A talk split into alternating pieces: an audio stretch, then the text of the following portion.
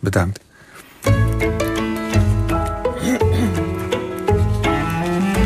De column van Nelke Noordervliet. Rijkhalzend werd uitgekeken naar de nieuwe kanon. Wat zou de commissie van wijze historici hebben gewikt en beschikt? Wie ging eruit? Wat kwam erbij? Waar gingen vensters verloren?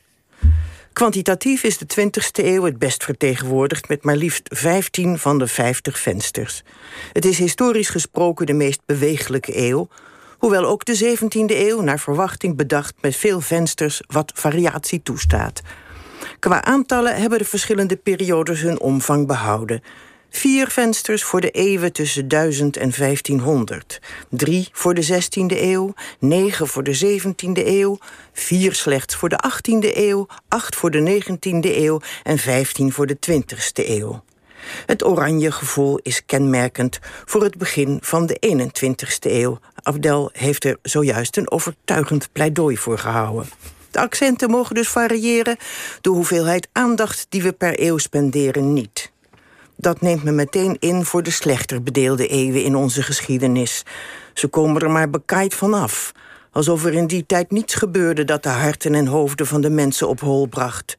Je zal maar in een eeuw hebben geleefd die door de Canoncommissie geheel wordt overgeslagen. Anderzijds lijkt het me ook heel erg om een venster te zijn... dat meteen bij de eerste herijking overboord werd gekieperd. Dat is uiteraard niet zo erg voor de vensters, buitenhuizen en grachtengordel. Die zijn toch in menig opzicht sterk bevoorrecht. Nee, dan denk ik meteen aan vadertje Drees... toonbeeld van sobere bescheidenheid. Het Rijksmuseum bezit nog altijd een aandoenlijk portret van deze staatsman... door de heer Voys in 1960 vervaardigd van grote en kleinere schelpen. Een monnikenwerk, getuigend van diepe liefde en bewondering. Drees moest wijken voor Marga Klompé. Een vrouw die ik ook hoog heb zitten. Zeker van grote betekenis voor de inrichting van de verzorgingsstaat... en pionierster voor de vrouwenzaak.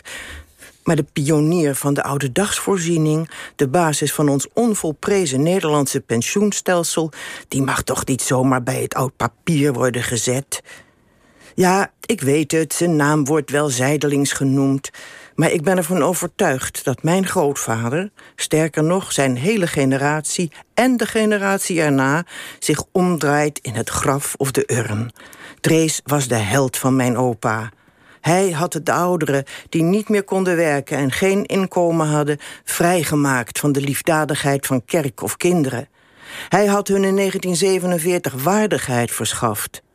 En dat de AOW in 1956 iedereen een staatspensioen gunde, maakte iedereen gelijk zodat het trekken van Drees niet kon worden gezien als een bijzondere vorm van liefdadigheid die mensen in een aparte categorie stopte. Toen ik, nu bijna tien jaar geleden, voor het eerst mijn AOW kreeg, heb ik in gedachten een diepe buiging gemaakt voor Willem